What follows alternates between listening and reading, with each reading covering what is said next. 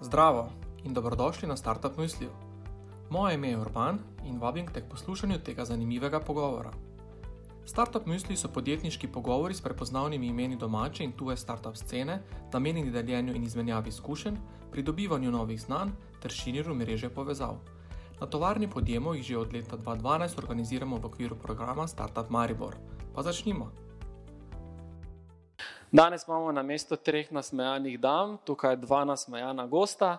Um, začel bom kar s predstavitvijo prvega legende um, Mariborskega kluba, mesta Maribor in pa tudi Slovenije, Marko Stavareš, dobrodošel med nami. Zdravo, da En aplaus, prosim.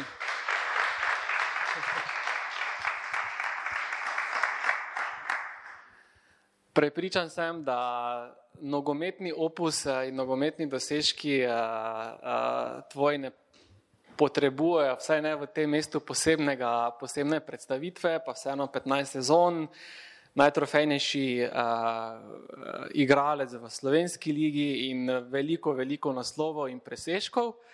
Um, tudi knjiga, ki jo bomo danes na koncu podelili, nekako govori o tem, da je več kot, uh, uh, več kot preveč dosežkov se nabralo v tvoji karieri. Tako da še enkrat čestitke za dosedanjo športno pot. Um, gost, kot gosta pa smo te povabili ne toliko zaradi tvoje superiorne športne kariere, ampak predvsem tega, kar počneš potem, ko si, ne bom se tako izrazil, kopačke obesil na klin, čeprav jih nisi obesil na klin. Um, mogoče nam malce poveš, čim se zdaj ukvarjaš, prej si namignil, da je tvoj delavnik ali pa dan še bolj aktiven, pa še bolj, bolj poln kot prej, kot si bil aktivni nogometaš. Uh, na, malo nam razkriš, čim se zdaj ukvarjaš. Ja, upam, da boste razumeli moje slovensko. Jaz sem prišel iz Brazilije.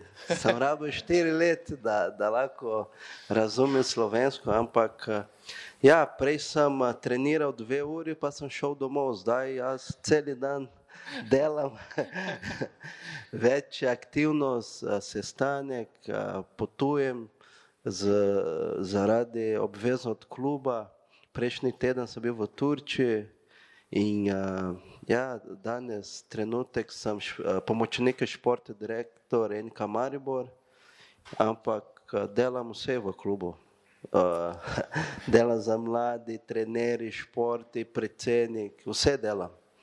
In jaz sem zelo vesel, da, da še vedno uh, jaz lahko delam in se pogovarjam v vse kategorije v klubu, ne samo za članske ekipe, ampak za mladinske ekipe, za trenerje, za nogometaši, ker lani ali prejšnje sezone sem igral z njimi, potem jaz imam vrata odprta in se pogovarjam, delam svoj uh, uh, na svet in uh, svoje izkušnje hočem predati za mladih.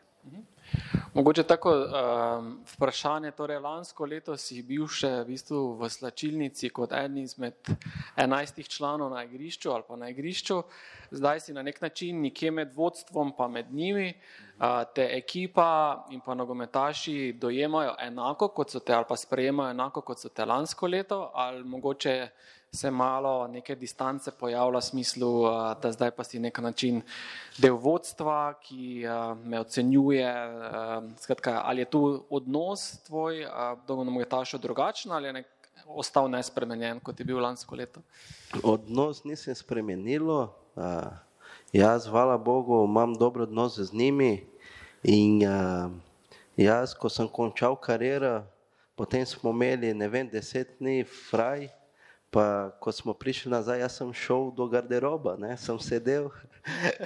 pa je prišel direktor, hej, nisi več tu, ti zdaj na, v pisarni z nami.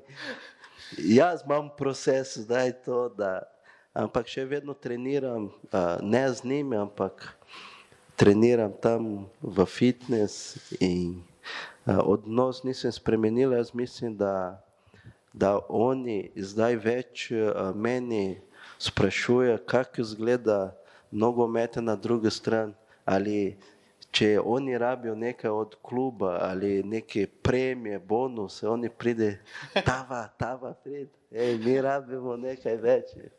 Pa jaz tudi delam ta povezava med igravcami in uh, direktor ali predsednik. Mhm. Super. Um, mogoče ena stvar, ki jo najbolj pogrešaš iz uh, prejšnjega svojega življenja, v reku kariernega. Gol. Gol, okay. okay, zdaj, zdaj zabijaš druge gole na drugem področju, uh, k tem bomo se še vrnili. Hvala lepa za ta uh, uvod. Um, Matej, um, tudi uh, tebe smo uh, že tudi skozi medije in uh, tudi tukaj si že bil gost na našem startup misliju. Uh, predvsem pa se mi zdi, da si um, najbolj sveža tvoja medijska izpostavljena vloza Tamara Zidenšek. Uh, ki jo vidimo tukaj spodaj tudi na, na fotografiji. Skratka, tvoja karijera se začenja kot v bistvu uh, trener v alpskih, slovenskih alpskih reprezentancah, NK oziroma SK Braniku, pa potem nacionalne reprezentance. Um, ukvarjaš se veliko torej za športniki, na drugi strani z absentizmom v podjetjih, skratka, cel kup stvari počneš. Uh, povej mi, uh, kako si prišel do tega trika, da ima tvoj dan 48 ur, glede na to, kaj vse počneš.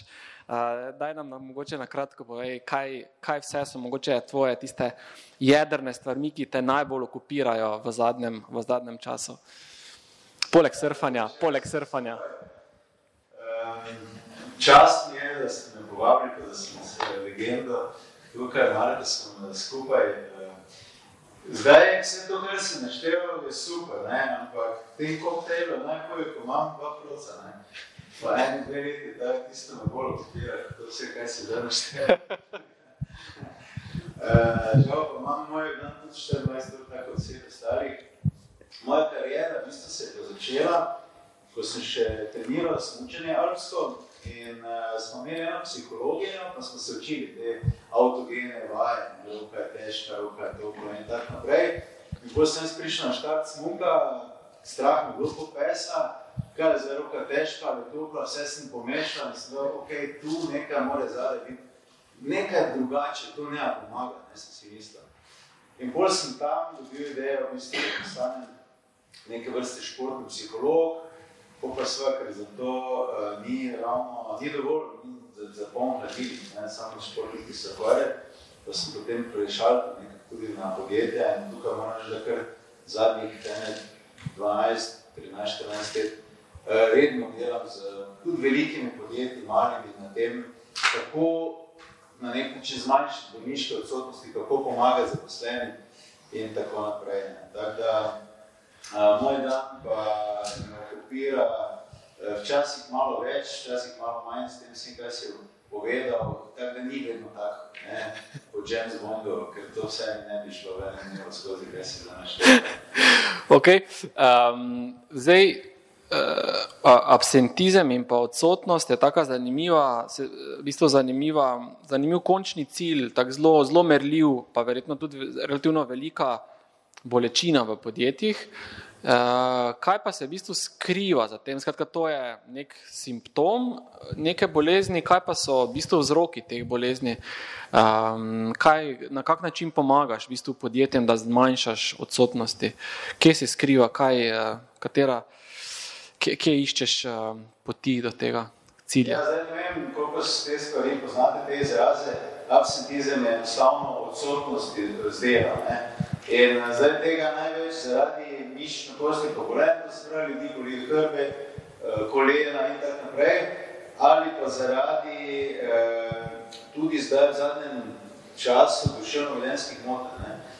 In to pač delamo, predavanja, delavnice, tudi svetovanja za zaposlene, če ima kakve težave, me lahko pokličajo, kadarkoli in potem jim pomagam. Ne? Tako da, upam, da da zvede za to številko, ker boste potem malo klicali, tako da je za vsakega zaposlenega praktično brezplačno ne?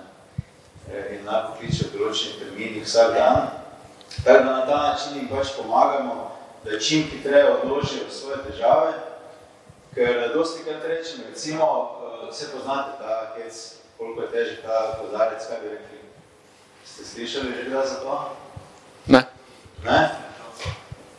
Ne? To pa, koliko bi rekel, da je težje? Uh, uh, deset, de, deset dek. Deset dek. Kaj pa ostali, kaj bi rekli? Fifra, Ni toliko važno, koliko je težek, ampak je važno, kako dolgo ga držiš. Ne? Tako je tudi z našimi problemi. Uh, ti srednji problemi, ki imamo vsak dan, so najhujši. Ne? Ker tisto, če imaš neki močen problem, to že neka okolica razume, da ti pač pomaga in tako naprej. Če pa tebi vsak dan nekaj malega žre, pa ti to še preče, pa ono ima za narediti, pa tisto, to ne boš skozi jamro. In ta, to je ta kozarec, neko na dolgi rok postane težek. In v teh situacijah imaš pač potem na voljo, da se pomagaš, ker pri psihologu je pa zelo dolgo vrsta, ne, pa napotnica tudi uh, traja ne šest mesecev, da dobiš psihologa, tako da mislim, da so te stvari storitve zelo, zelo dobre. In dolgodošle podjetje, pa uh -huh. tudi učinkovite. Ok, mogoče, če samo prej uh, skočimo na današnjo temo, vrne, vrnemo k tisti težki roki, lahki roki, topli roki, ki si jo občutil takrat na štartu smuka. Um, vseeno delaš še veliko športniki. Kaj si zdaj v šport, delu športniki ugotovil, si našel neko metodo, s pomočjo katere jim pomagaš, da se tudi oni ne znajdejo v taki konfuzni situaciji, kot si se ti takrat na vrhu tistega smuka? Ja, eh, zdaj tako bom povedal, no, če kar začnemo kuhati. Zelo dosti lasnosti imajo vrhunski športniki, in uspešni podjetniki skupaj. Uh, tudi ko sem bil trener, sem opazoval, kateri trenerji so imeli dobre rezultate, kateri niso imeli dobre, kateri športniki so se na določen način vedli, bom rekel, so imeli tak rezultat in drugi drugačne. In v bistvu sem ugotovil, da z Markosom, ko smo se veliko o teh stvarih pogovarjali, sem ugotovil, da v bistvu niso nič drugačni, kot vi vsi ostali. Ne, to, to bi rekel, da mi je največ vrhunski šport dal. Torej, ljudje, ki so dosegli top rezultate, ali medalje na olimpijada, ali zmage, recimo, veliko sem se lahko družil z Janico, pa Ivico Kosteričem, pa njihovim očetom, pa tudi z različnimi vodi mire, pa takrat so bili vidje kuš. To so ljudje, ki so zelo pred, tako Markus. Naš človek, bi rekel, tako domače zgleda preprosto, nič niso posebnega. Trenerji, ki so top na svetu, niso nič posebnega kot ljudje. Niso ne arogantni, ne zvišeni. Ugotovil uh, pa sem, da ima določene lastnosti, ki pa so dejansko skupne. Prva bi rekel, kar sem ugotovil, je, da so odporni zelo močno na različne probleme. Spravi, da bomo rekli, neki stres resilience. Torej, ne moreš jih zjevati po domače, ne moreš ga premakniti. Ko se on nekaj odloči, on bo drdno, drdno delo, delo. Si taki Markus? Ja. E, ne moreš ga, ne moreš. Lahko mu, lahko mu se zgodi nekaj slabega. Lahko bo nekaj težkega mu prikrižalo pot njegovo. Ne bo popustil. Ne bo to, to skrilo, da ali je to v igri, ali je to v življenju, kjerkoli odpornost na, uh, bomo rekli, te neke, neke prepreke. Ne? Ker kaj je problem? Vedno imamo v življenju neko pričakovanje, kaj se bo zgodilo jutri, kako plačam, kaj bo žena naredila, kaj bo za meni šef dal. Vedno imamo neko pričakovanje, bomo igrali proti radomljam proti cilj, ne vem, neko pričakovanje se vedno naprej nališ. In ko ne gre tako, ko si si ti zamislil, pa, takrat ti stisne. Ne? In pol veliko jih misli, eh, kurci, jaz tako nisem za to. Ne? Pa to so oni, da boljši, oni, oni, njim vedno gre, tako kot pač si oni zamislijo, jaz pa takrat tak, meni pa nikoli ne rada, nisem jaz, in popustijo. Taki. To pa Markus, oni grejo dalje. Ne može staviti. Lahko te, Ne, ne, ne, super, super si. Bi pa samo uh, dal mogoče tu zdaj žogo na, na drugo stran, Markus, pa te vprašal, ali ta lasnost, ta, ta, ta, ta resilience, ta, ta, ta neuničljivost, ali je to v bistvu prirojeno ali je to vzgojeno? A si ti vedno bil v bistvu tako odporen, strajen, neuničljiv kot tank ali je v bistvu te, si se v takšnega oblikoval tekom, uh, tekom karijere? Pa te potem imate še tudi za repliko, prosim. Jaz mislim, da to ni prerojeno. Ne? Jaz sem prišel iz favele, to je geto v Braziliji, jaz sem spal na tle, nisem imel uh, meso, nisem jedel riž, sem jedel kekce za zajtrk, kosilo in je bilo malo boljše, sem pil Coca-Cola v nedeljo, pa meso. In uh, da zaradi tega jaz tudi sem dobil ta moč, vera, ta želja. In uh, da ta lastnost je, mi najprej moramo vedeti, kdo smo mi, kdo sem. Ne glede, kaj časopis, kaj novinar govori od mene. Enkrat so rekli, Tavares, ti si slabi, slabi igralec. Ko sem prišel v Slovenijo, jaz nisem dal v tri, tri mesece, nisem dal en gol. Ne. Potem vsi so rekli, on ni brazilec, on je zdrav, tu. ni dober igralec. Ampak to, jaz sem vedel, kdo sem bil in zato nisem pustil, da drugi vodi moje življenje.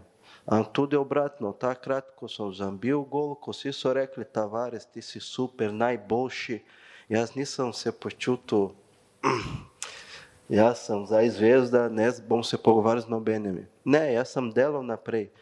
To, kar uh, Matej rekel, jaz sem ljudje iste napak kot vi, iste napak kot vsi ostali, ampak moja skriv, uh, skromnost je to mene peljal naprej. In mhm. tudi vsi so rekli, Tavares, ti si dober, ti si čudo, dobro kariero imaš, ti si najboljši rekel, ne, ne. Jaz lahko še več gol, uh, ampak nisem dal, ker nisem dosti treniral, nisem dal še nekaj več. Jaz mislim takrat, kot mi razmišljal, da, da jaz lahko še vedno se učim, lahko še vedno naredim nekaj več v življenju, da to ni to, je to, ne znam se. A ti si najboljši nogometar? Ne, nisem. Vi, ok, za Slovenijo sem, ampak Messi je zabil trikrat več gol kot jaz. Mhm. In to nikoli meni eh, me ustavi, jaz vedno sem hotel več. Jaz mislim, takrat, ko mi nehamo se učiti, ko mislimo, že vemo vse, da smo najboljši, takrat pademo. Začnemo padati. Ja. Uh, Matej, isto, mogoče isto vprašanje uh, kot za Markosa, ali je to Torej, do kakšne mere je to prirojeno, do kakšne mere pa je to vzgojeno, ta, ta, ta, ta resilience, ta odpornost, ta vztrajnost, ta neuničljivost.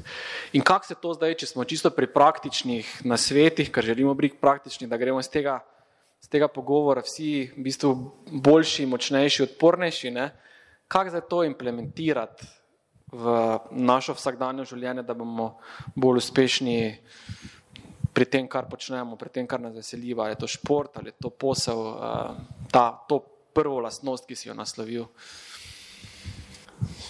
Ja, to je dobro vprašanje. Zdaj ali prirojeno ali vzgojeno, to boš težko vedel. Ne? Neke zadeve so seveda na nek način nek temperament zelo prirojen, ki ga ima vsak, da če imaš ti močni temperament, potem pomeni, da imaš dosti energije, ne? za karkoli se pač odločiš. Ne?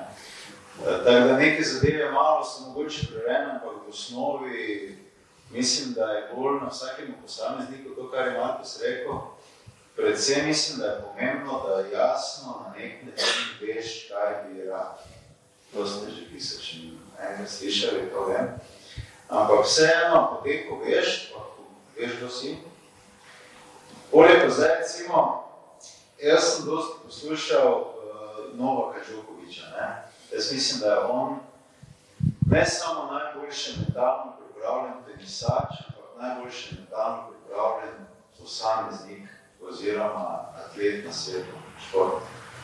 Zakaj to govorim, ker vem, koliko vloži v mentalno pripravo. On dejansko, on nekaj razlagal, da 80% njegove zmage prinaša priprava na meč. On v glavi preigra vse možne scenarije. Torej, ali bo prvi se izgubil, ali ga bo zmagal, ali bo publika za njega navila, ali za nasprotnika. Vse možne, on v nekaj ur vizualizira vse možne, bomo rekli, poti. In zdaj, če ti veš točno, kaj bi rad, in če ti veš, kaj vse te čaka, kaj lahko gre na robe, to je zdaj tisto, ko ne gre tako, kot si zamislimo. In če ti veš, kako boš reagiral, mater, bolj si pa za eno borec. Ker ostaneš v fokusu, ker veš, kaj bi rad, kaj moraš narediti in si pripravljen, ne glede na to, kaj bo iz grma skočilo, veste, kaj hočem reči. Mhm. In to je mogoče praktičnost, ne? to se pravi v glavi, si moramo znati predstavljati, kaj bi radi in kaj bomo naredili, če bo nekaj šlo na robe. Da ne bomo koliko, eh, spet ni, ne, spet meni. Ne? Tako da, če to delaš praktično, potem si zelo močen v bilo čem, po mojem, česa se vodiš. Eno vprašanje za oba na, na to temo. Uh, Marko, začel si s tem, v bistvu, odkot izhajaš, da v bistvu si tvoje otroštvo ni bilo uh, prepojeno z izobiljem, uh, skratka, favelja, rev način življenja, trdo življenje. Se mi zdi, da se ta vzorec nekako skozi vse uspešne posameznike, nekako, da jim je veliko uspešnim posameznikom skupna ta zgodna zgodovina da so bili v nekem pomankanju, da so se mogli v bistvu boriti že skozi zgodnje otroštvo um, in da je to, je to um, neka pravilna domneva ali je to samo mogoče nek tak občutek, uh, da je veliko uspešnim posameznikom, ne glede na to, kje je kultura, šport, posel, skupno to, da so že na začetku mogli fajtati in od zgodnega otroštva fajtajo. Ja, jaz mislim, da poti, ne, moje otroštvo mi je pomagalo, da lahko danes na nek način biti najboljši nogometaš v Sloveniji. Uh, ampak ene stvari sem uh, imel v sebi, nisem hotel živeti na tak način. Uh -huh. In to sem imel v glavi. Jaz ne bom živel celo življenje tu, jaz ne bom tu stal celo življenje. Uh -huh. uh, tu ni prostor za meni. Jaz sem kristjan, se če Bog ni mi naredil, uh mhm. -huh. da jaz živim na tak način. Mhm. -huh. In to sem imel cilj. Mhm. -huh. In v Braziliji sem razmišljal, katere najboljše poti, ali če jaz imam rad nogomet. Uh, nogomet ti ne rabiš dosti uh, ali študira tako, da naredi osnovna šola, srednja šola, vse fakultete. Nogomet pri, pri 13 let v Braziliji sem imel plačo 150 dolarjev. Starši so dobili 10 tisoč dolarjev in takrat sem pomagal staršem, da graditi hišo in tako naprej. Uh, 17 let star sem že imel uh, 1500 dolarjev mesečno. Potem sem to razmišljal. Jaz če igram nogomet, če naredim vse, jaz bom šel iz, iz te eh, življenja. In takrat, ko sem to razmišljal, da skozi nogomet lahko spremenim svoje življenje, potem sem razmišljal, koliko jaz moram se potruditi, da lahko grem iz tega. Mhm. In takrat sem razmišljal, kaj moram narediti. Trenirati, uh, boljšo uh, hrano, počivati, In takrat, 13 let star, sem šel, sem šel živeti v stadion pod tribuno in tam je bilo moje življenje. Jaz sem na nek način plačal ceno za to in zaradi tega jaz sem bil že, sem igral v reprezent, brazilske reprezentance U15, U17. Jaz mislim, da je mi pomagalo, ker sem hotel živeti na drugačen način. Uh mhm. -huh. In vedno rečem, ne glede odkot si prišel, lahko uspeš v življenju. Uh mhm. -huh. Super, hvala. Uh, Matej, isto. to vprašanje. Torej, ta, ta, ta skupna točka uspešnim posameznikom, to zgodnje otroštvo ali pa ta začetki, ki so niso rožnati, to neko mogoče pomankanje, boj za preživetje, tako ali drugače. Evo, to je to, kar je za Marko povedal. To je fenomenalno. Namreč, recimo, če bereš, jaz mene to zelo zanima, pa berem biografije od uh, raznih uspešnih ljudi. V večini ima dejansko okolje, ki je zelo, zelo težavno. V večini. Ne? In uh, recimo, enkrat sem se pogovarjal z Ivico, pa je rekel Postolič, pa je rekel, gledaj, za smučanje rabiš sneg, spravi planine, pa rabiš denar. Rekel, ne, Hrvaška ravno nič nima od tega. Ne. Uh, ima sedem žičnic, sedem žičnic, ne sedem smučiš, sedem žičnic v celi Hrvaški, pa denarje niso ravno uh, bogate države. Potem pa zato gremo v Švico. Bilo tam prideš smučišča po celi Švici, denarja koliko hočeš. Rekel, zdaj pa ti meni razloži, Kak je to mogoče, da imam jaz, sam, Ivica Kostelič, več zmag v svetovnem pokalu v slalomu, kot cela Švica skupaj v zgodovini? Tako da ni izgovor. In tisti, ki se nekaj močno želi, lahko do tega pride. Ne pa ja, mama me ni imela rada, ko sem bil mali, fotel mi ni tenis skupaj, uh, trener me je zjeval, razumeš, uh, punco sem imel, ko mi ni imela rada, ni izgovora, šef ne prepozna moje kvalitete ne? v meni, kaj te vem, vlada, vlada je za kuc, razumeš, moramo menjati vse, bom pa jaz ustel. Ne, ne, ni, to ni prava pot. Ti si tisti sam, ko moraš najti v sebi odločitev, vedeti, kaj hočeš, in pol graješ, pa samo greš. Recimo, če ste si brali od, um, za Nike, onega majstra ne? Uh mhm. -huh. on, ko je bil 25 let star, si je napisal, karkoli se bo zgodilo, ker je dobil idejo, da bi teniske prodavali z Japonske, ne? takrat še te Essex. Um, karkoli se bo zgodilo, jaz bom strahal, ne glede na vse.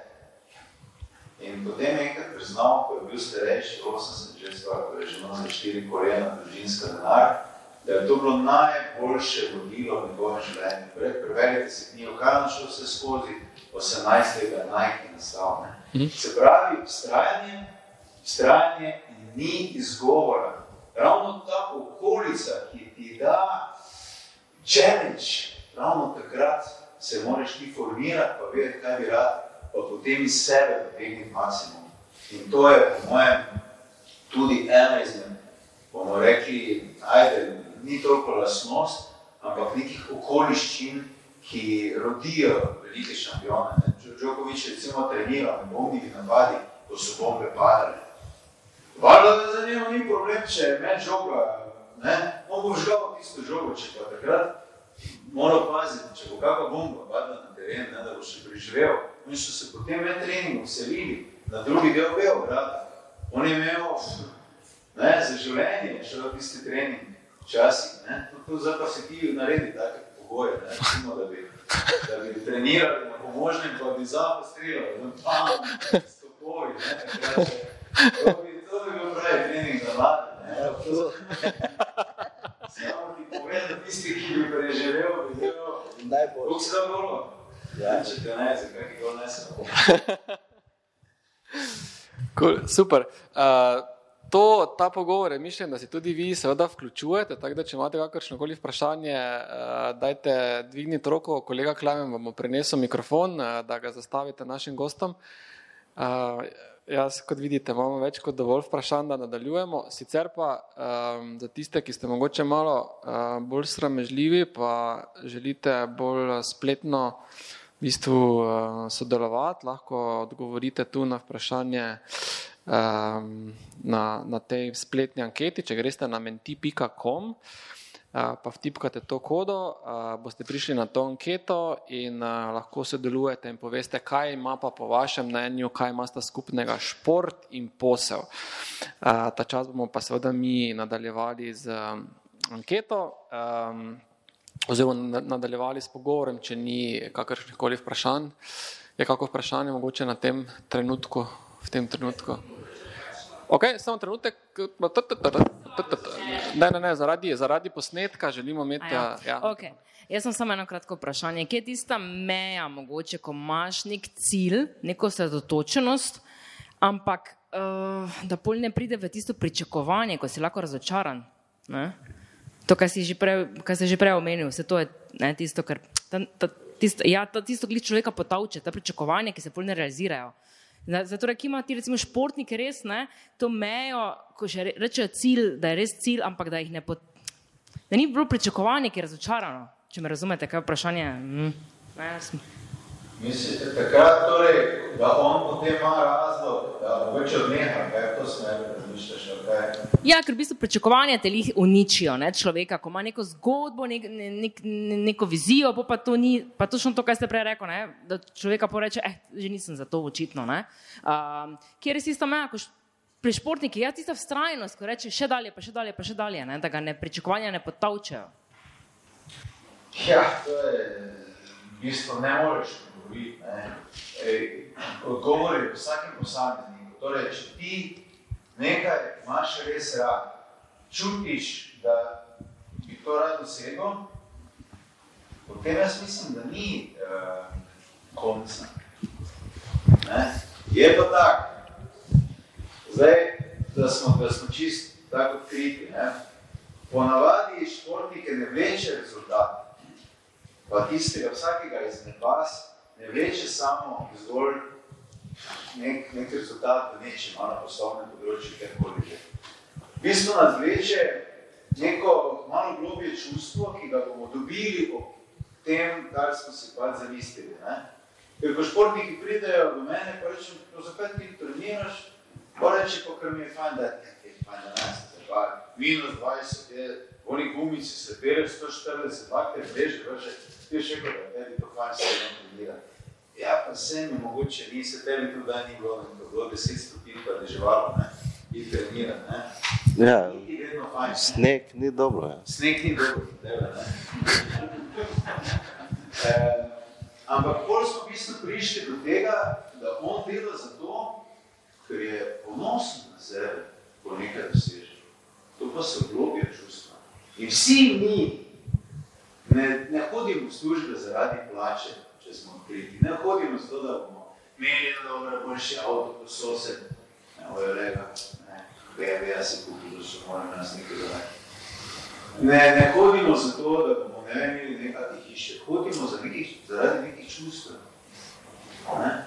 In ko v bistvu, ne glede na to, ali je to športnik, ali je posameznik v podjetju, ko ima težave, ali kakšni direktor, razume, da on nekaj počne zato, ker on sebe izpokoljuje, nečem napreduje, ki bo potem ponosen na sebe, polno niti ni taki problem, če pride kaj nasproti, da kaj ni točno tako, ko si on zamislil, ali pa če že ravno nima takoj 10 ure plače, ali pa če takoj v tistih dveh letih se mu ni vse postavilo, tako kot se želi, ampak on se zaveda, da dela nekaj, v čimer on napreduje.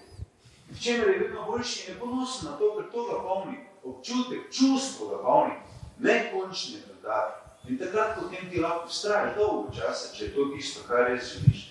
In to je po mojem odgovor ne, na to. Če pa ti misliš, da jaz moram biti prvi na svetu, če ne bom, je brez veze, ali pa hoče imeti 100 milijonov za pogodbo, ne, tako kot ima, ne vem, Messi, ali pa Ronaldo, koliko je največji igral futbola pri Mariboru. Tebe, Markosa, vse po mojem, sam povedal, so neka globija, drugi cilji, drugi motivi so ga vodili ne, do tega, da on straja tudi takrat, ko je bilo hudo. In mislim, da ni, če imaš to, se, se ne boš ustavil. Ja, hvala.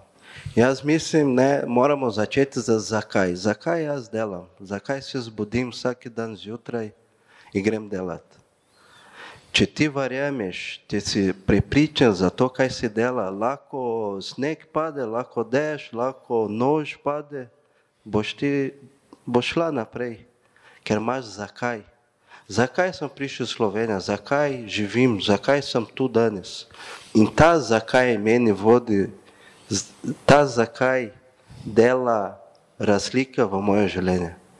In zato, če ti igraš nogomet, če treniraš, če, če narediš neki projekt in na koncu si dobila ne, to ne moreš te ustaviti, ker tvoj zakaj je še več močnejši, ti ne boš se ostalo. To, jaz bom to naredil, ker to je moj motor, jaz sem to se želel, jaz verjamem v tem in zato bom šla in bom zmagala. Jaz sem imel vedno v življenju en zakaj zelo močno. Jaz nisem prišel tukaj samo da igram nogomet, da zabijem gol, jaz sem hotel narediti nekaj več v življenju, zgodba v življenju. In ta zgodba, ta zakaj, ta cilj je meni naredil boljši človeka, boljši nogometaš, boljši oče, mož, vse to. Mhm. Hvala, super, zelo, zelo inspirativno. Um, tukaj ste odgovorili na, na, na, na vprašanje, kaj imate skupnega šport in posel, pa Markus in Matej, če pogledate odgovore, um, disciplina, izzivi, fokus, trajnost, trdo delo, pohleb, eh, se s katerimi temi stvarmi eh, ne strinjata ali pa se s katerimi se najbolj poistovetita, mogoče malo če pokomentirata, kaj so odgovorili naši poslušalci. Dobro, večina je dobro, vlastnosti, zdaj pohleb, najverjetno tega ne mogoče prečrtam. Zakaj? Zakaj, zakaj, bi po, zakaj bi pohlep eh, prečrtal? Pohlep je po mojem, da želiš nekaj več, kot ti pripada, oziroma kar je potrebno. Ne? In to nekaj sunanega, v obliki nekega materialnega, obliki nekih materialnih dobrin. Ne? Uh mhm. -huh. Se pravi, glede na to, da je limitirana materialna dobrina, to nekomu jemlje, da boš ti ima več. Ne? To je meni pohlep. Um, Manjka pa po mojem, manjka, kaj je, kaj je ključno? Ključno je, da ti ljudje delajo nekaj več za druge tudi. Ponavadi so takšni. Se pravi, delajo druge okoli sebe boljše.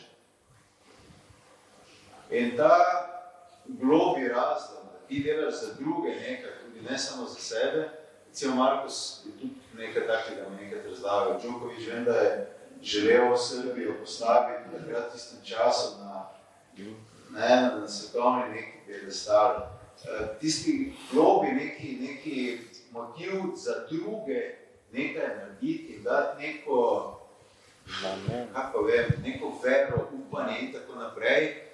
To je tudi ena izmed lasnost eh, drugih, mislim, takih zelo uspešnih ljudi. Ne? Uh mhm. -huh. Eh, pa ne bomo rekli za materialno, tisti, ki imajo največ denarja, ni nujno, da so uspešni. Za mene ni to merilo. Ne, ne vem, če imaš 500 milijard, če se to ni, za mene ni to merilo. Ne. Mhm. Jaz mislim, da uspešni tisti, ki dejansko ljudje ga jemljajo kot nekoga, ki, ki nekaj daje, ki, ki dela ljudi okoli sebe boljše. Pa še ena stvar, eh, to so ljudje, ki sprejmejo odgovornost takrat, ko je hudo oziroma takrat, ko je, ko je situacija težka. To je, to je ena značilnosti. Ne? Uh -huh. ne? Ok, torej, zdaj, če smo malo samo na hitro povzamem, skratka, smo, začeli smo s to, v bistvu z odpornostjo, to nekim reziliencem, pol smo rekli, so neke te okoliščine, v katerih se ta karakter izgradil, neke življenjske okoliščine, v katerih se v bistvu uh, znajdeš in izgradiš vse te lasnosti, pa potem ta, uh, rekel, ta neki večji namen, ta neki zakaj. Uh, v bistvu četrta bi rekli to, opravnomočenje tudi drugih, ne samo delanje za sebe. Um, mogoče ta, ta, ta neki višji namen, uh, ne samo tako zelo egoistično dela za sebe. Uh, Kaj gledaš na to perspektivo? Uh, ti si zelo aktiven, poleg ne, nogometaša, še tudi ostale stvari počneš, ki nimajo v bistvu veze z tem, da bogatijo tebe. Ne, ampak, Ja. Jaz mislim, da to je en uh, zelo dober princip ali vrednota. Če mi pomagamo drugi, uh, boljše se počutimo kot človek, kot oseba. Jaz tudi vedno sem igral ne samo za sebe, nisem zabil gol za sebe, ampak eh, jaz sem vedel, da starši delajo cel teden in sobota pripeljejo otrok, da so tam skupaj.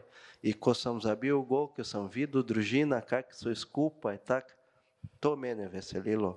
In tudi uh, deset let nazaj, ko Maribor je, so imeli krize, pa je bilo malo tako. Jaz sem igral za mesto, nisem igral samo za sebe.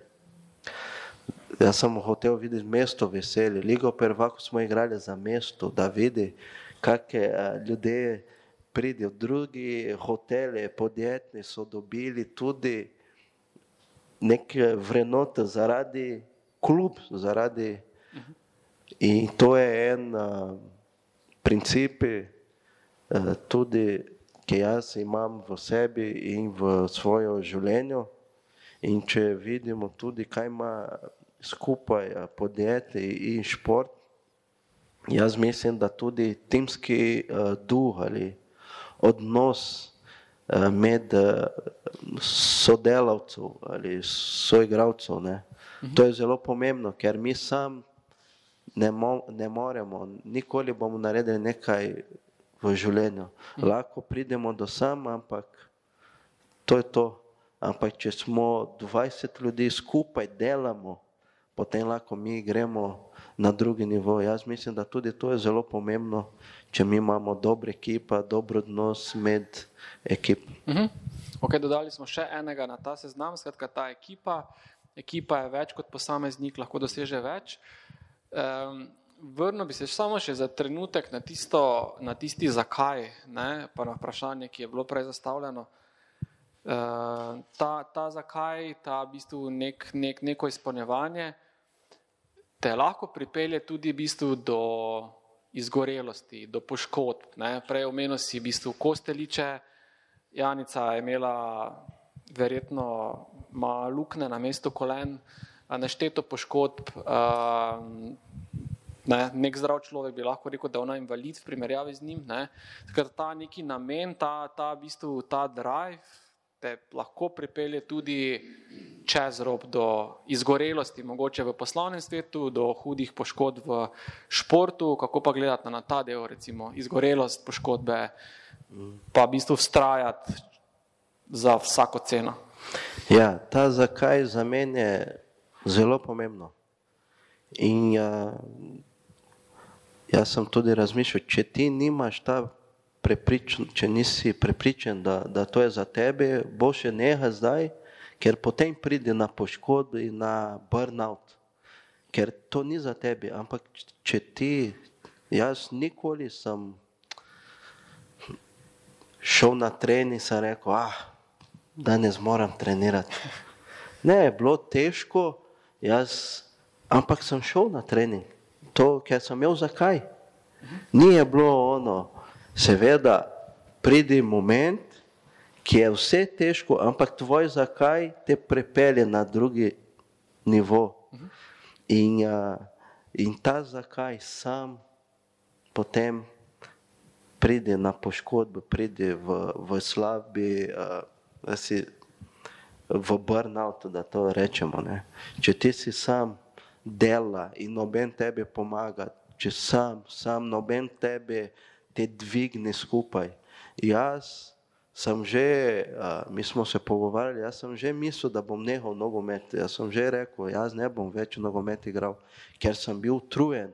Ampak potem je prišla moja žena in je rekla, ne, če ne moreš, bo, boš treniral zaradi meni. Mi imamo družino, mi hočemo imeti nekaj več življenja. Ker takrat sem bil sam, ampak če prišel en,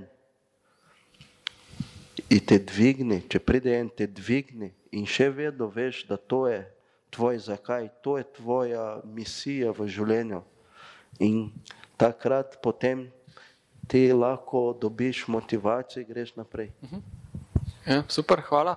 Um, Matej, isto, isto vprašanje, pa mogoče z druge stvari, komentar, ta, mm, ta burnout, te poškodbe, uh, vztrajati čez meje, um, ta, kje, kje je za ta meja, mogoče tudi to, kar je tam bilo pravi vprašanje oziroma komentar. Jaz mislim, da to so ekstremni, ne, mislim, vrhunski šport, to ni bil zdrav. Jaz mislim, da je point današnjega srečanja, da mogoče slišite določene lastnosti, ki jih imajo uspešni ljudje, ne, ne pa smite voziti, recimo, kot je potem koljeno trga. Ne. Da je tu pač je zaradi tega do tega prišlo, uh, do teh poškodb, pa tudi pri vrhunskem športu, tako kot je nogometi, kdo skoči v nogo. Tako da mislim, da vi nimate ne, doma, da bi kdo preletel v nogo, ko delaš kaj za mizo, da imate mirno okolje. Je pa res, da je vedno več burnout, to pa je res. Burnout je posledica dveh zadev. Prvič, nizke samopodobe in pa perfekcionizma, oziroma perfekcionizem je strah pred napako za mene. Ne? Ker včasih prije kdo k meni, pa reče, veš, jaz sem perfekcionist, da malo ponosim to. Ne? ne, stari, tebe je strah napako delati, zato pa si perfekcionist. Ne? In taki ljudje imajo uh, super avtocesto do, do izgorelosti. Ne, ker zaradi nizke samo podobe se hoče skozi dokazovati, pa vse bi naredil prav, rad, ker pa vemo, da ne mogoče. Ne. Uh -huh. Tako da v službah se uh, dogajajo te zadeve ne zaradi poškodb, recimo zaradi vrhunskega, vrhunske športne panoge, ampak zato, ker se ljudje ženejo preveč. Pa ženejo se, ne vem, za, za, za kakšne, bomo rekli, mogoče ne zakaj, ampak za, zakaj je nekoga drugega. Ne? -huh. In tu zdaj zna biti veliko problemov in so preveč, se ženemo, se ženete. Odmor je sestavni del trenažnega procesa, je tako malo se. In tudi vi morate imeti odmor. Ne pa jaz recimo, ko delam po nekih podjetjih, pol pa zaposleni ob šestih zvečer pošle šefo mail, ne. Kao, ne, vidiš, kak nas delo, ne. Ako rečeš šlo za dve uri, malo s kolegom, ste šla na čikica, pa ste šla na, pirček, a pol pa pošte ob šestih, ali pa v nedeljo, ne? vidiš, kak je zdelo. In to je kao vrednota, pa ni, ti si vodi. Ti moraš imeti odmor, ti se moraš spočiti, ti se moraš pripraviti za naslednji dan. No, ene more. Ne? Cel dan še Anti mi je rekel, da ne možeš da treniraš osmkrat, to ne ide. Ni seksa, ne možeš četiri sati, to je bez veze. Onaj ko to kaže, on laže. To je seksaš vsak vreme, inače, ono, ono, ono bez veze se, ono šuka. Se pravi, z Jezusa, ne vi ste odgovorni, da dajete maksimum službi. Ja, počne delaš celi dan, malo da nisi skočil. Eno od anegdota vam povedal od Filipa Gardnera, ne vem, če poznate, on je pižavaj, pa Peter Liša, pa te naredil v Jugoslavi, pa pol je bil v Avstriji trener. On je imel kratke treninge. Zakaj? Zato, ker je moral takrat športnik dati vse od sebe. Prej so bili po športniki vani, da so imeli cel dan trening, je normalno, da je bil na, na dizel, na štelan, cel dan držal. Tak ste vi. In vsi podatki, vse raziskave kažejo, da šest urni delo je bolj učinkovit kot osem. Je valjda, ker viš, mater, zdaj moram vse narediti. Šest ur imam samo. E, se imam osem, pa deset, pa pol zvečer, pa sva me, pa ob soboto, malo naredil, pa bom še večji frajer spadal v podjetje, ne? Za šefa, pa prej mnogo dopust, pa ne kaj vse. Ne, ti rabiš odmor, da boš lahko dal maksimum. In če vam samo še eno anegdoto povem, svetovno prvenstvo v smučanju, ne vem, tam sredi 90-ih, norveška reprezentanca, pred svetovnim prvenstvom so šli na Havaje za tri dni. Lasi Čus, Omot, ne vem, če se do te generacije spomni. Tri dni so bili na Havaje, ko so šli na svetovno prvenstvo. Lasi Čus je dobil pet medalj. pet medalj, v vsaki disciplini je dobil medalje, to je Tina Mazet potem logila, če spomnite, 2015 rekord. Omot pa tri. On so bili na Havaji. In tudi pametni podjetniki dajejo svojim zaposlenim odmor. Vem, da je Pipi Strela rekel, da ob štirih hoče, da so vsi doma. Ker ve, da je pomembno, da prišti domov, da si napolniš baterije, da te žena objame, da imaš lahko otroka, da mu poveš, ne vem, kaj ga imaš rad, ne pa da prideš samo na pravljico za žene. Tako da izgorelost je tudi problem posameznikov v napačni percepciji. Uh mhm. -huh. Super, um, hvala za to misel. Um, čas se nam počasi eh, gremo v zadnjo četrtinko, uh, zadnjo četrtino, če smo na košarkarski uh, minutaži. Evo, Mene zanima, kaj kak, uh, vpliv šport na otroke, kaj, kaj, kaj odnesejo kasneje uh, v življenju. Pa tudi zakaj recimo eni profesionalni športniki po končani karieri, eni so rekel uspešni, eni pa propadajo. Zakaj je taka dva, taka dva ekstrema? Ja, kaj odnese športnik? Zdaj, na žalost, je naš šport naravnan, spet je z denarjem povezano na rezultat. To se pravi, rezultat, kategorizacija, finance za klub in tako dalje. Vemo, kam to vodi, tekme so že pri osmih letih, ne v osem, v deset že ima tekme, se že viš, mamica, gledajte moja, ne, Marjetko, da ne rekel imena, ona je državna prvakinja v U10. Pa je belemu masno. Pri U10 je ona že na Facebooku, pa vsi lajkajo, pa vsi čestitajo. Taka, tak način ne bo naredil uspešnega človeka. Takratni šport, za moje pojme, nekaj, kar ni nujno, da bo pomagalo v življenju, lahko da vodi do različnih travm, ker seveda vsi ne morejo stati na stopničkah. Ne? To se pravi, sem jaz neuspešen in greš s to popotnico iz športa, kar ni dobro. Ne? Če pa imaš ti popotnico, evo, jaz grem šport, zato da se bom naučil postavljanje ciljev, delovnih navad, verjeti v sebe, pripraviti se za tekmovalno situacijo pod neko stresno situacijo, ki jih je v življenju ogromno. Uh, naučil sem bom kak jezik, naučil se bom trdo delati, prilagajati, bla, bla, bla. Takrat pa lahko šport učinkovit in ti bodo te lasnosti pomagali kasneje v življenju. Teda, to je čisto, bom rekel, odvisno od vsakega, oziroma določenega društva, pa kluba, v katerem pač otrok je.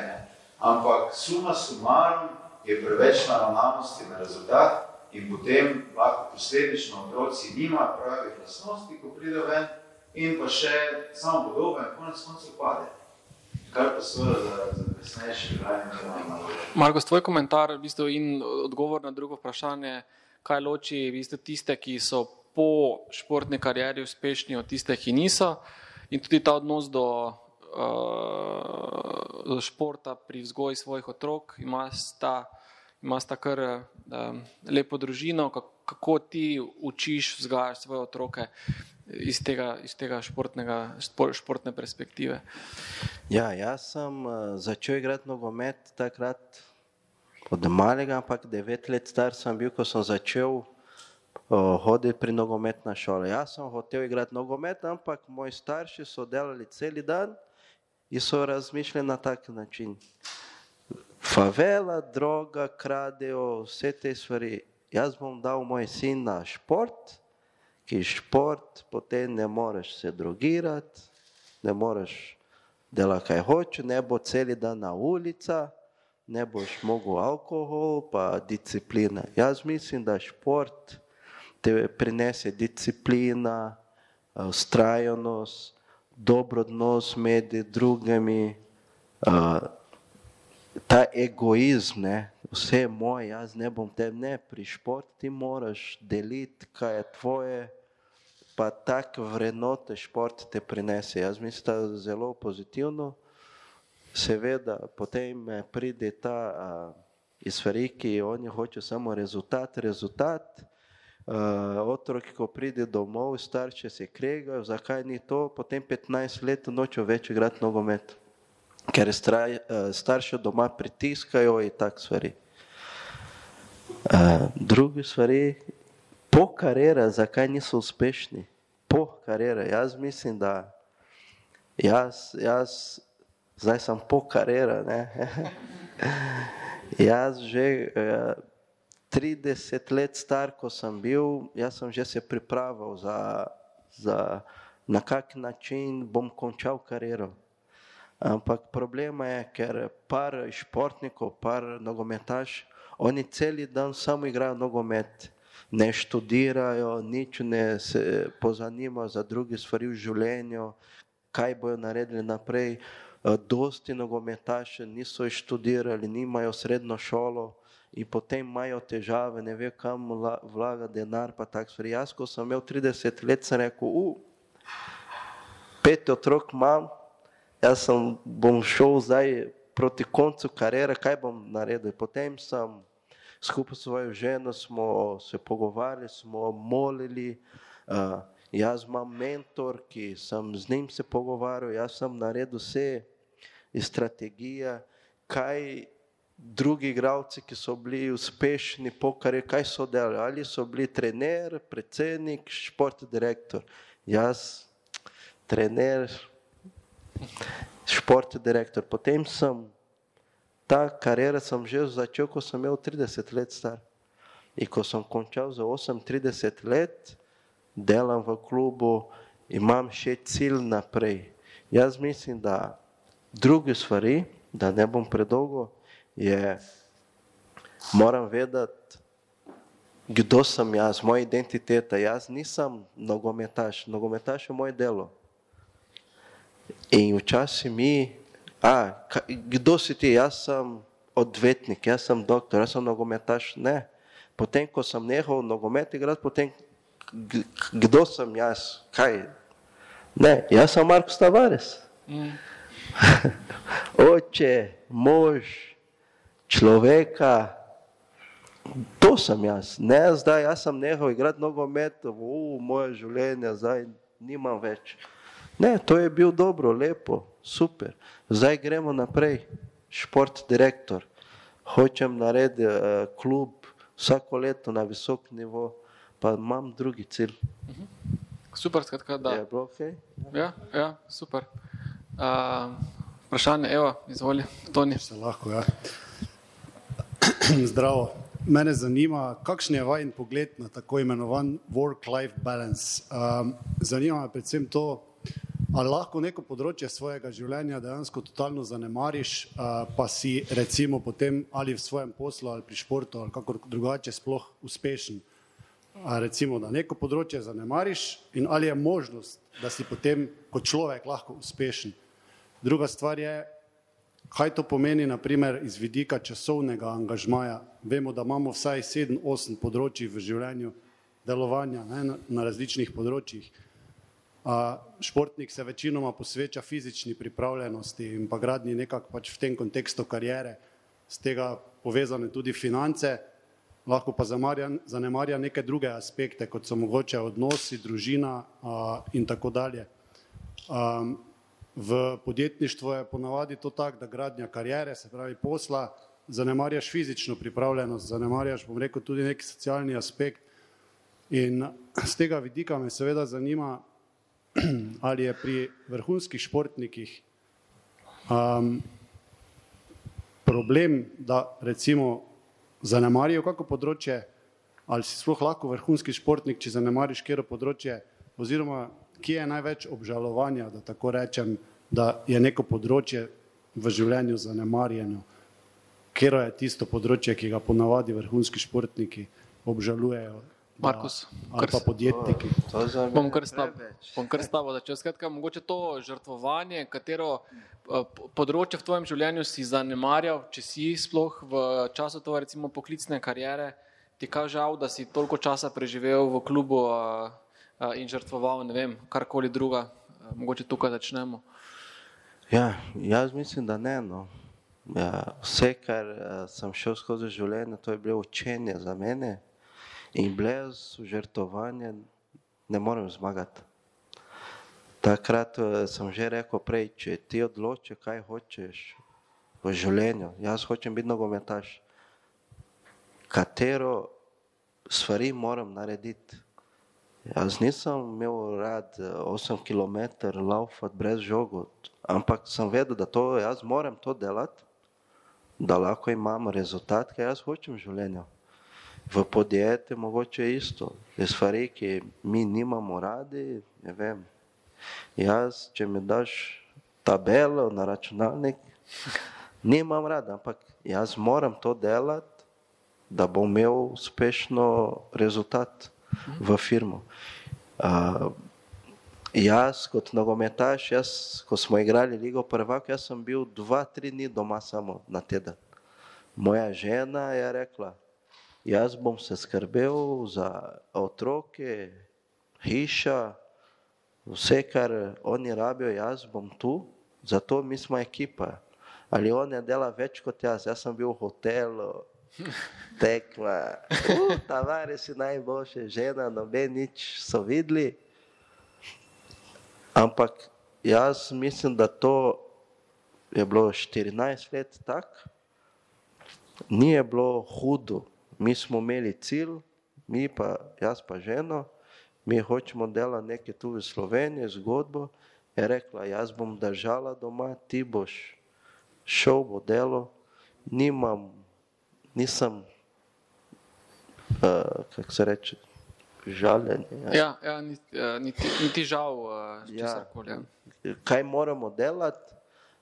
Moramo delati. Ni vprašanje. Jaz imam cilj, zakaj ob šestih zjutraj, če moram stati, bom delal. Ker če hočeš nekaj življenju, mora delati. Ni predaja. Hvala. Um, super, uh, Matej. Še ta, Poslušaj, Markus, pa 12 pisma mora nas ni žena, tudi pred mano. Ona je to zaradi nas. Če ni žena, mislim, da števil, bil za ne skupaj. Ne. Ko, ko, je bilo, ko je bilo težko, ne, moja žena je prišla do Zahoviči in je rekla, on rabi dva dni karantena, ne samo en.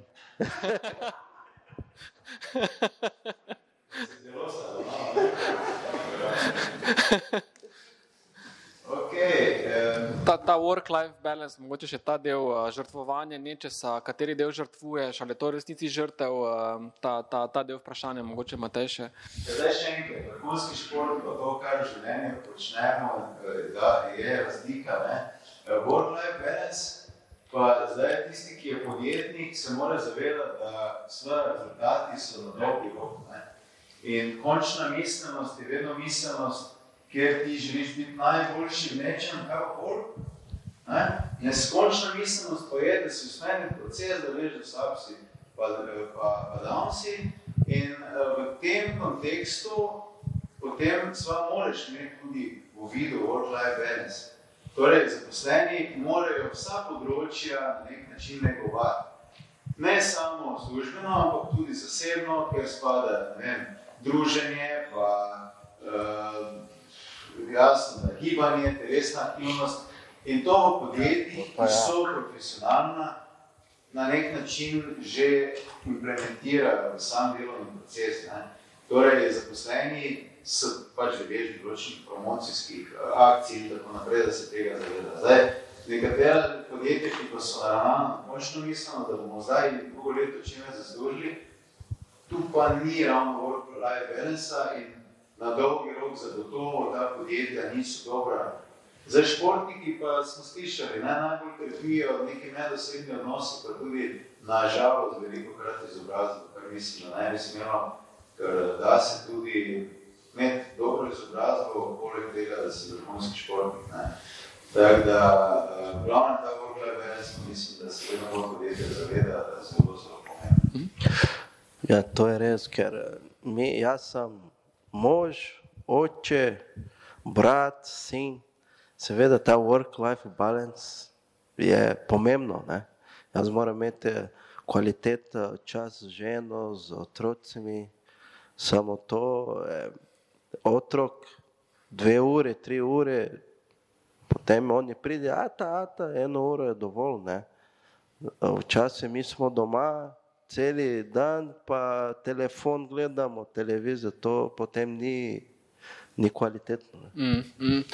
Um, za, za, za, zaključ, za zaključek, uh, uh, Markos in Matej sodelujeta um, tudi torej pri, pri bistvu takem sistematičnem programu za podjetja. Uh, kaj počneta skupaj, kje sta se našla? Um, verjetno so stične točke vajnega sodelovanja in vajnih storitev za podjetja ravno ta vsebina, o kateri smo se pogovarjali danes, da nam lahko malo, nam lahko malo več povesta, kaj skupaj uh, počneta, uh, za koga.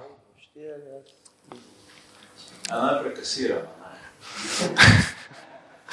um, ja, Bistvo smo se našli, ne, zato ker Marko se izredno zanima psihologija.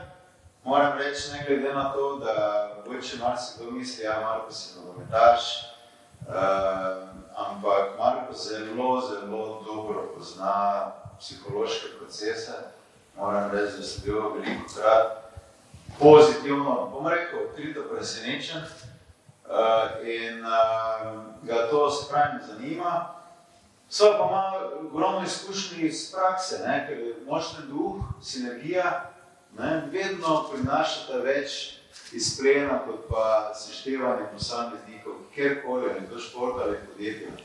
In zdaj, ker jaz dosti delam delavnic na temo medosebnih odnosov, na, na tem meetingi, uh, so je Markus kot naročen, ne.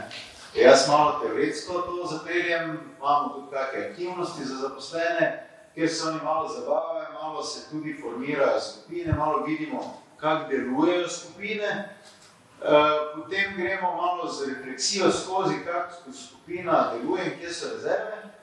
Teorija, ko pa prije še Markus, pa iz praktičnega vidika malo pove, kako so oni delovali, ko so bili dobri ja. in kako so delovali, ko so bili slabi. In koliko je tu zdaj vpliv tega, kako se mi med sabo razumemo, koliko smo si pripravljeni pomagati. Ne? In mislim, da so te, mislim, jaz ne delam neke reklame, ampak dosti sem tega življenja naredil, ampak to, ko, ko še pol Markus pride, pa ko ga vsi tako poslušajo, plus to, kaj smo že do zdaj počeli, je to. Ne? In, no, vse, mislim, da, da tu imamo enega, ki je bil, ne, da lahko pove. In res so nadušeni ljudje, ker, dobijo vseh segmentov neke informacije, pa nekaj znanja, tako da mislim, da je tako koktejl zelo, zelo dober. To je res. Ja, jaz sem dosti študiral psihologijo in druge stvari. Life coach sem naredil tudi iz Amerike, fakulteta v Ameriki. In potem, ko sem srečal Matej, mi smo se pogovarjali, takoj smo se jeli, jaz še danes študiram dosti stvari, jaz nikoli bom nehal se učiti. In potem uh, smo se pogovarjali, on ima ta del, on je študiral, on, jaz vedno se učim,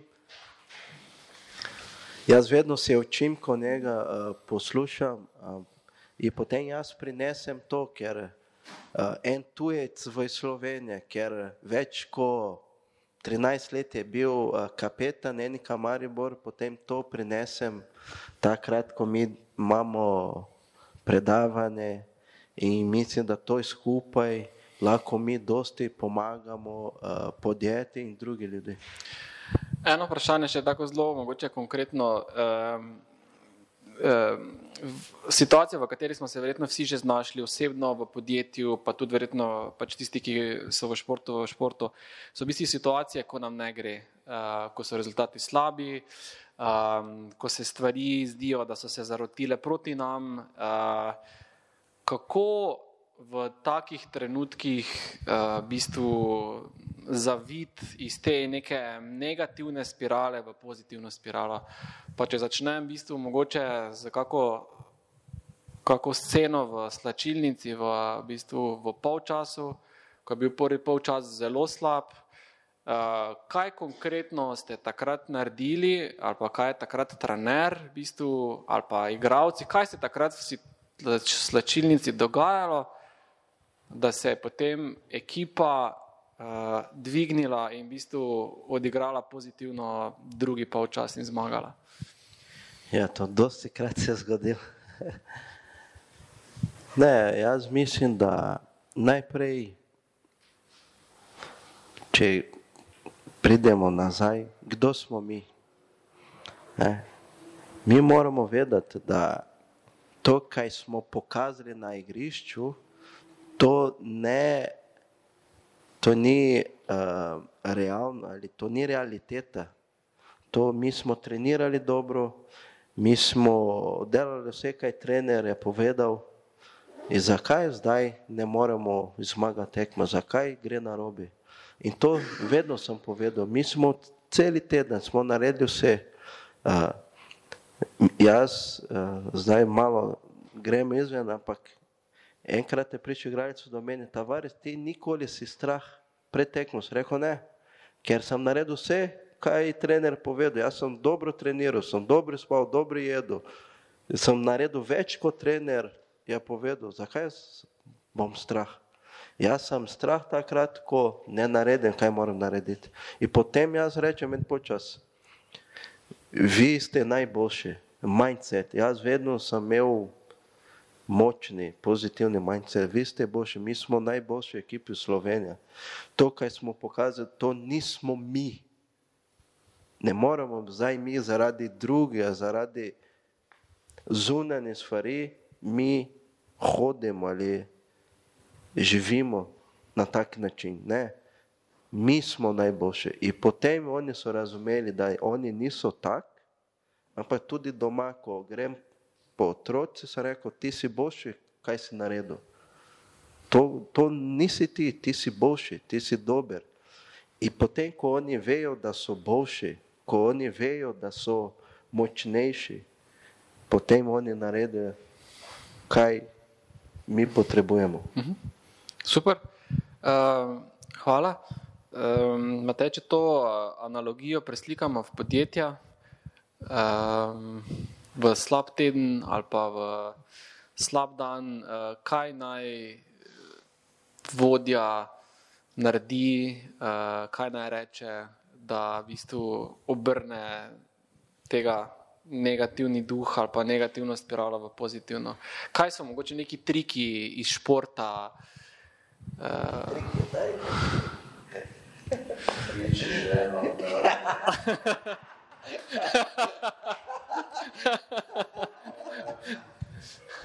sem tako rekel, no, malo širši, mogoče bom zapeljal. Mi smo že rekli prej, da je problem, ko pričakujemo nekaj. Ne?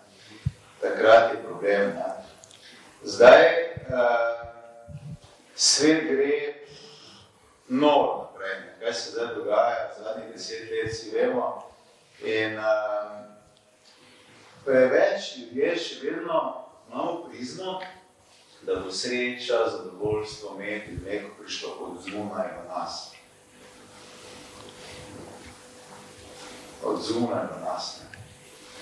Ni tako. Jaz vedno, ko imam delavnice, rečem bolj na koncu, kako kak je bilo, kako se, ja, super, fajn je bilo. Sem kot en greg, vam bo zdaj to pomagali. Če ne boste sami začeli nekaj delati. In to je moj odgovor. To se pravi, ne bo sreča od zune prišla, ker bo šef dal više plačo, ker te bo dal trener noter špirati, ker si ti boljši po oni, valjda, ne. Ne, ti moraš dati vse od sebe. Tako je Markus rekel, dan za dnem. In ne samo to, zdaj se po mojem taki časi prihajajo, kjer je stična točka vrhunskega športa, pa mogoče vsakega posameznika z dneva v dan, da bo sploh preživel to obdobje, ki po moje prihaja, da se boš moral ti vse eno malo pripravljati, da si športnik za vsak dan, ki te čaka. In to ne samo, da si boš prebral, kaj moraš narediti, ampak da se boš zjutraj malo tudi fizično razmigal, 5-10 minut, ne vem, da boš se malo, eh, da boš naredil kako mentalno vajo, da boš malo si predstavljal, kaj se bo zgodilo. Predstavljanje, ker vaši možgani čutijo, vidijo, doživljajo to, kar se vam bo dogajalo, povzroča v glavi enake povezave, kot pa če vi to dejansko počnete, razumete? Se pravi, ko vi greste skozi te situacije, ste vi že to naredili. In s Tamaro Zinešek, prednje je šla lani v Roland Garros, sem midva en mesec delala vajo, vsak dan je morala se predstavljati, da je igra četrt finale. Do takrat še življenje ni v drugem kolo igrala. Ampak ona je vsak dan zmagala. Prvo kolo, drugo kolo, tretje kolo, četrto kolo, četrt finale. Vsak dan. Koliko je prišla te situacije, to že bilo malo znano. Hočem reči, da je v vas to, da se boste znali malo zavedati, da ste vi tisti, ki si kreirate vaše čustva, vaše občutke in vaše doživljanje tega, kaj se vam življenje dogaja. Ne podjetje, pardon, ne žena, tudi če pravijo, ne, da ste tega zelo pomemben faktor, ampak vi ste tisti in ko se bo to začeli zaposleni tudi v podjetjih zavedati, bodo bistveno manj, bom rekel, skloni tem nekim težavam, ki nas vse čaka, je, da sorry, ni ga psihologa, ko imamo zdaj, jaz sem Harry Potter, pa bom vse probleme odpravil. Ne, tega ni.